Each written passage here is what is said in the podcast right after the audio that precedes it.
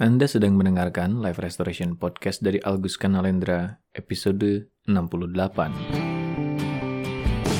Selamat datang di Life Restoration Podcast. Inspirasi restorasi kehidupan dan transformasi diri untuk membantu mendesain kehidupan terbaik yang layak Anda dapatkan sesuai jati diri otentik Anda.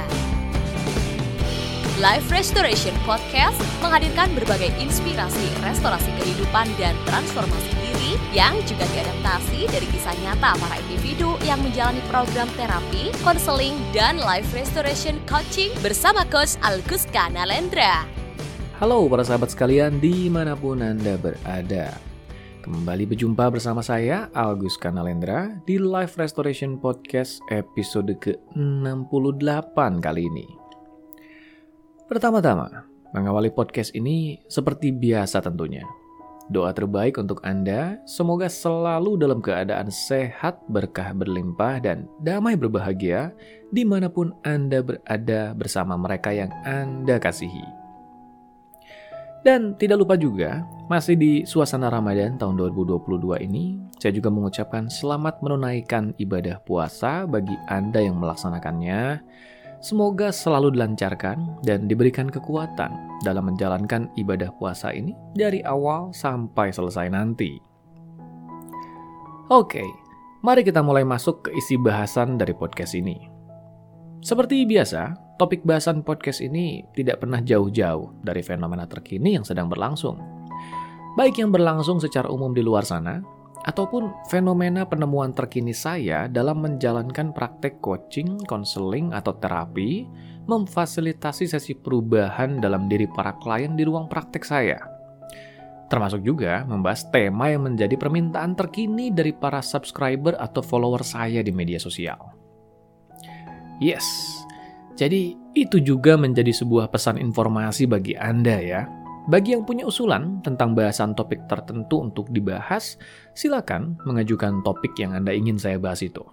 Kalau memang topik yang diusulkan itu masih topik yang berada dalam cakupan pengetahuan saya dan memang relevan dengan hikmah pembelajaran yang ingin disampaikan oleh podcast channel ini, ya mengapa tidak?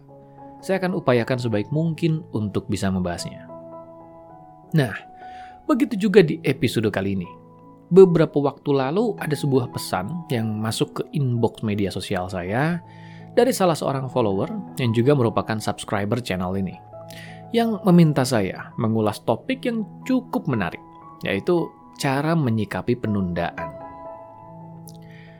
Tema ini jujur saja menjadi tema yang menarik untuk dibahas. Hal ini karena sikap menunda atau dalam bahasa Inggrisnya procrastination memang menjadi satu masalah perilaku yang menyabotase kualitas hidup dan kualitas pencapaian orang banyak. Pernah melihat ada orang-orang yang harusnya menyegerakan melakukan hal yang penting dan mendesak, tapi malah bersantai dan tidak melakukannya, atau malah teralihkan fokusnya untuk mengerjakan hal lain yang lebih tidak penting. Nanti, ketika sudah mendekati tenggat waktu, baru panik tidak karuan kalaupun tetap selesai, tapi ya dampaknya itu menjadikan pengaturan aktivitas lain jadi berantakan. Bagaimana? Pernah mendapati orang-orang yang seperti itu? Atau jangan-jangan Anda malah jadi pihak yang sedang mengalami hal itu tadi? Menunda hal-hal yang seharusnya dikerjakan dan malah mengerjakan hal-hal yang tidak seharusnya dikerjakan. Tenang, Kalaupun iya, Anda termasuk yang mengalaminya, ya paling tidak Anda tidak sendirian lah ya. Karena hal itu dialami oleh banyak orang lainnya juga dari berbagai kalangan. Bahkan sampai ke figur-figur yang dikenal sebagai tokoh besar sekalipun. Tapi ya tetap saja, meski jangan merasa sendirian, jangan juga jadi malah membiarkan. Mentang-mentang hal ini dialami oleh orang banyak, Jadinya merasa ini hal yang baik-baik saja untuk dibiarkan. Ya jangan lah ya. Karena memang dampak dari penundaan ini buruk sekali dan pastinya merembet ke aktivitas lain.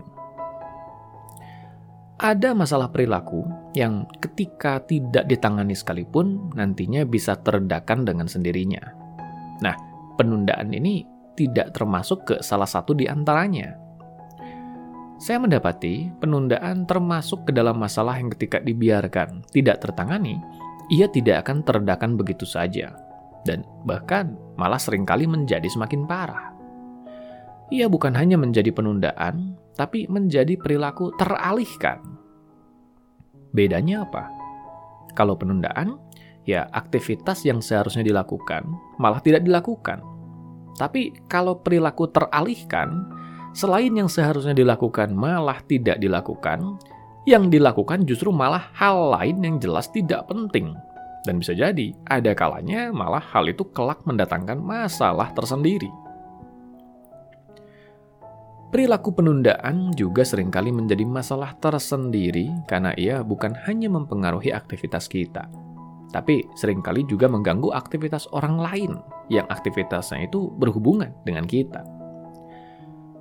Sederhananya begini, karena kita menunda hal yang seharusnya dilakukan, penyelesaiannya jadi mepet-mepetan dengan waktu, dan bahkan ada kalanya terlambat. Itu juga kalau tetap selesai loh ya. Nah, masalahnya adalah manusia itu makhluk sosial. Aktivitas kita akan berhubungan dan mempengaruhi aktivitas orang lain di sekitar kita. Apalagi kalau ternyata kita berada di satu kesatuan aktivitas dengan mereka seperti satu kesatuan aktivitas di tempat kerja misalnya, atau satu kesatuan aktivitas dalam berkomunitas, atau bahkan dalam berkeluarga. Akan ada aktivitas yang penyelesaiannya memerlukan koordinasi dari beberapa pihak, karena memang pengerjaannya melibatkan beberapa pihak itu. Artinya, kalau ada satu pihak yang terkendala, maka hal itu akan mempengaruhi aktivitas pihak lainnya, kan? Kalau terkendalanya itu memang terjadi karena kendala teknis yang tidak terhindarkan, atau memang karena musibah, ya agaknya hal itu bisa dimaklumi. Tapi kalau karena penundaan, ini agaknya tidak baik untuk begitu saja dimaklumi. Karena nantinya akan menyebabkan gangguan di skala yang lebih masif lagi. Dampak dari penundaan ini di skala yang lebih jauh biasanya juga membuat si pelakunya jadi gelisah, jadi merasa bersalah. Lalu ia mulai mengutuki diri atas perilaku penundaan yang dilakukannya itu. Sampai lama-lama ia jadi membenci dirinya sendiri. Nah, kalau sudah sampai ke sini, maka biasanya muncul deh gangguan mental di skala yang cukup rumit. Jadi, masih akan membiarkan penundaan ini tidak terselesaikan? Janganlah ya jangan menunda lagi untuk menyikapi penundaan itu sendiri. Jadi, bagaimana menyikapi penundaan ini? Seperti biasa, beberapa dari Anda mungkin sudah familiar dengan kebiasaan saya kalau menjelaskan, di mana penting untuk kita memahami sebuah persoalan sebelum sampai ke kesimpulan penyelesaiannya. Begitu juga masalah penundaan ini. Perlu kita pahami dulu karena apa ia tercipta, Baru setelah memahami bagaimana ia tercipta, kita mulai memahami juga bagaimana cara menyikapinya. Kita mulai saja ya.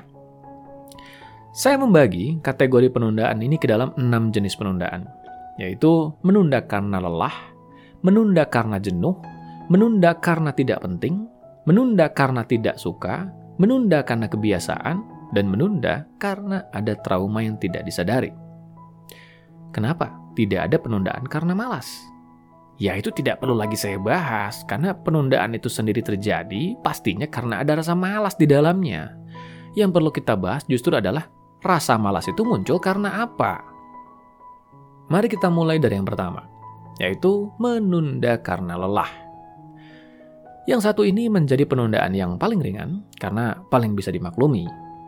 Ya, namanya orang kelelahan, kehabisan tenaga, Masa iya mau begitu saja dipaksakan untuk mengerjakan aktivitas berikutnya? Namanya juga manusia.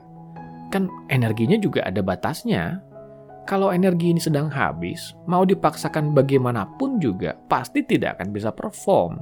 Orang tidak ada energinya. Nah, untuk yang satu ini bagaimana menyikapinya? Ya istirahat, pulihkan energi. Karena mau dibagaimanakan juga memang yang menjadi inti permasalahan kan adalah energinya yang habis tadi. Maka inti permasalahan ini yang harus diselesaikan. Namanya energi habis, ya solusinya diisi ulang. Tapi Ini benar-benar untuk mereka yang menunda karena kelelahan loh ya. Jadi penundaannya memang berasal dari ketidakmampuan atau keterbatasan diri yang memang tidak bisa diapa-apakan lagi. Kenapa dikatakan begitu?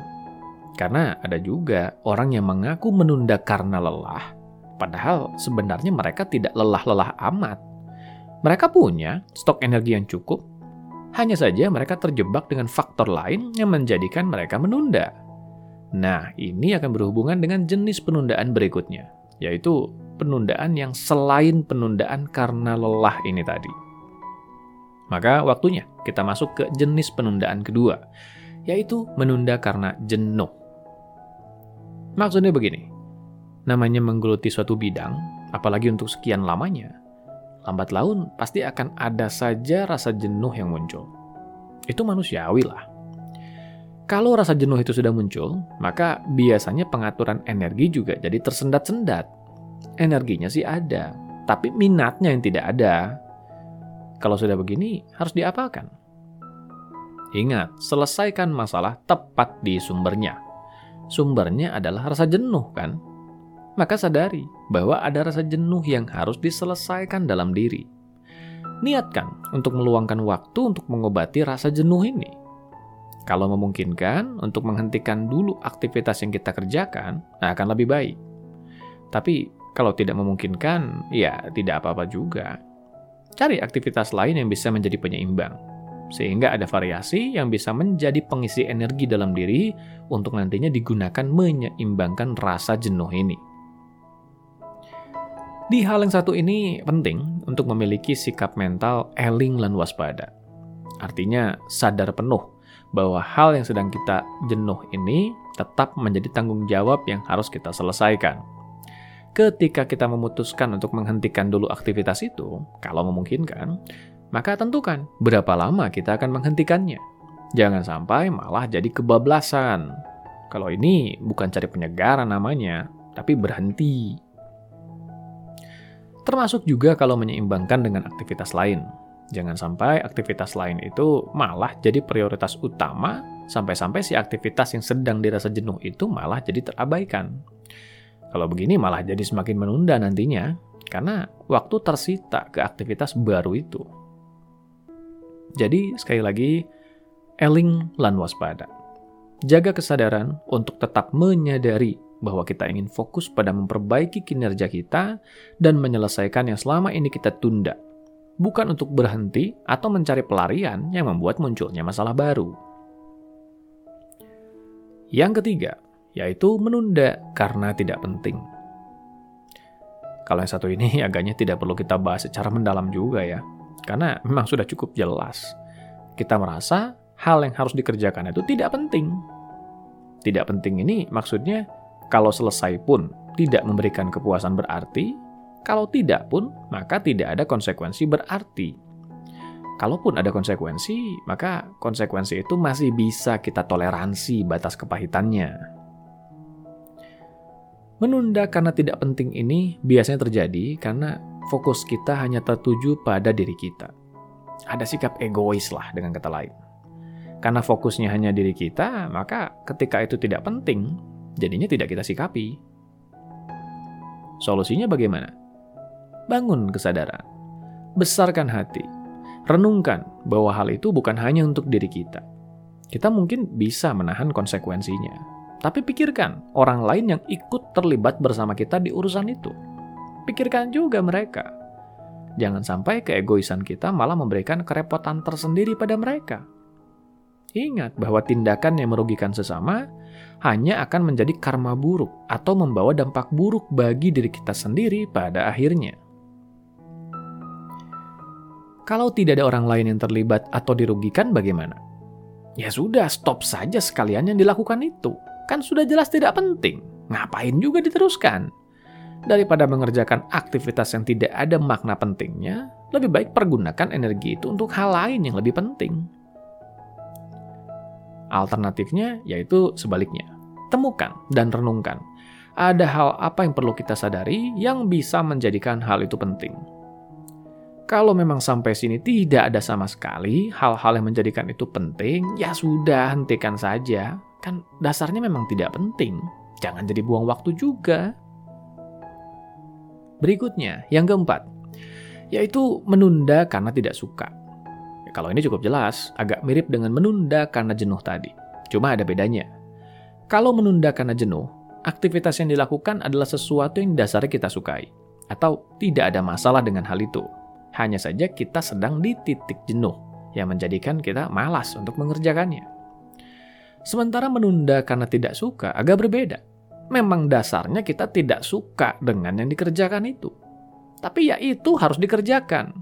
Dengan kata lain, ada rasa terpaksa ketika mengerjakannya. Namanya terpaksa, ya otomatis sudah bisa ditebak kan. Pasti tidak optimal energinya. Macet, Akhirnya keluarlah sikap menunda itu. Jadi sikap menunda itu sebenarnya bentuk protes diri kita untuk menghindari hal yang kita tidak sukai itu. Untuk yang satu ini bagaimana solusinya? Ini agak lain. Kita justru harus melakukan dialog diri dan perenungan untuk menyadari bahwa hal yang kita tidak suka ini kalau semakin lama dibiarkan justru akan semakin membuat kita tidak suka. Jadi, kita perlu melakukan pembalikan pola pikir untuk bisa menyadari bahwa justru karena hal ini tidak kita sukai, maka ia harus cepat-cepat diselesaikan. Semakin cepat diselesaikan, maka semakin kita bisa lebih cepat terbebas dari hal ini. Ilustrasi untuk menggambarkan hal ini pernah digambarkan oleh Brian Tracy dalam salah satu bukunya yang berjudul Eat That Frog. Bayangkan, seseorang yang harus memakan beberapa jenis kodok di depannya. Ada yang ukurannya kecil, sedang, dan bahkan besar makin besar ukurannya, maka makin besar juga suaranya itu. Sekarang, kalau disuruh memakannya, orang ini akan mulai makan dari kodok yang mana? Biasanya jawabannya adalah mulai dari yang kecil dulu. Betul? Hal ini tidak salah, tapi tanpa disadari, suara dari si kodok sisanya yang lebih besar ini akan menjadi gangguan tersendiri. Apalagi ada yang ukurannya besar sekali. Lama-lama bahkan memakan kodok yang kecil itu pun jadi terganggu dan tidak optimal. Maka pembalikan pola pikir ini yang perlu kita lakukan. Jangan menyelesaikan hal yang kita sukai dulu. Justru cepat-cepat bereskan yang tidak kita sukai itu, agar kita bisa lebih cepat terbebas darinya. Nah, pembalikan pola pikir ini biasanya cukup membantu untuk mereka yang terjebak di masalah menunda yang satu ini. Yang kelima, yaitu menunda karena kebiasaan. Kalau yang satu ini memang sudah tidak ada urusan dengan semua bahasan sebelumnya, memang kebiasaannya saja tidak menyegerakan. Kebiasaannya adalah memang mengerjakan di waktu sudah kepepet. Entah kapan dimulainya, dan entah bagaimana awalnya, kebiasaan melakukan sistem kebut seketika ini menjadi sebuah kebiasaan. Sampai-sampai kalau ada hal yang harus diselesaikan, maka kalau tidak mepet-mepetan dengan waktu, agaknya ada yang kurang. Di satu sisi, Hal ini juga menjadi sebuah kecanduan tersendiri.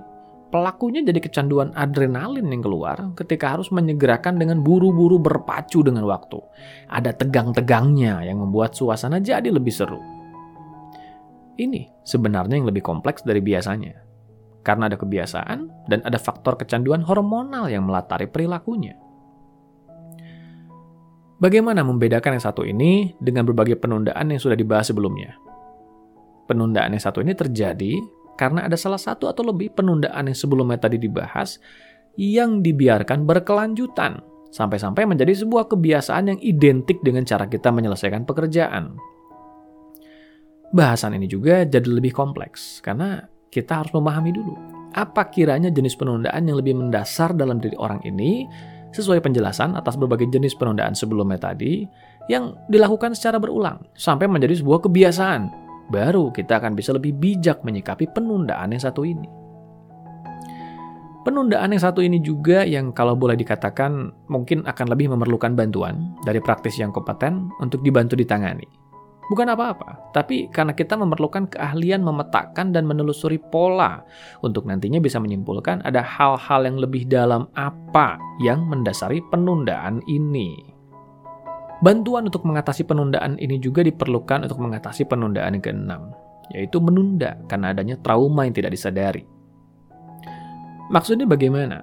Sederhananya begini, ada kalanya penundaan terjadi karena pikiran bawah sadar kita tidak suka dengan hal yang dikerjakan. Karena hal-hal yang ada dalam hal yang kita kerjakan itu mengingatkannya pada kejadian yang tidak menyenangkan yang pernah dialaminya dulu yang menjadikannya trauma. Ketika diri kita di masa kini mengerjakan hal itu, pikiran sadar kita tahu bahwa hal itu harus dikerjakan. Tapi pikiran bawah sadar kita protes dan berontak. Ia tahu bahwa hal itu merupakan sebuah ancaman tersendiri baginya. Yang satu ini biasanya agak ekstrim. Tandanya bisa kita dapati berupa rasa enggan yang sangat besar untuk mengerjakan hal yang harus kita kerjakan itu. Kalaupun dipaksakan, biasanya muncul reaksi penolakan yang makin tidak nyaman. Ada kalanya sampai mempengaruhi dan terasa di tubuh fisik. Maka itulah saya katakan yang satu ini termasuk ke dalam jenis penundaan yang akan memerlukan bantuan praktis yang kompeten untuk ditangani nantinya. Nah, seperti itu kiranya bahasan kita seputar penundaan di episode kali ini. Semoga memberi penyegaran dan wawasan tersendiri tentang menyikapi penundaan ini. Sampai jumpa di episode berikutnya. Dapatkan lebih banyak inspirasi restorasi kehidupan dan transformasi diri dengan ikuti Instagram @alkuska dan YouTube channel Alkuska Nalendra. Kunjungi juga website www.alkuska.com untuk temukan lebih banyak informasi menarik lainnya, termasuk untuk memesan layanan profesional bersama Coach Alkuska Nalendra untuk membantu mendesain kehidupan terbaik yang layak Anda dapatkan sesuai jati diri otentik Anda.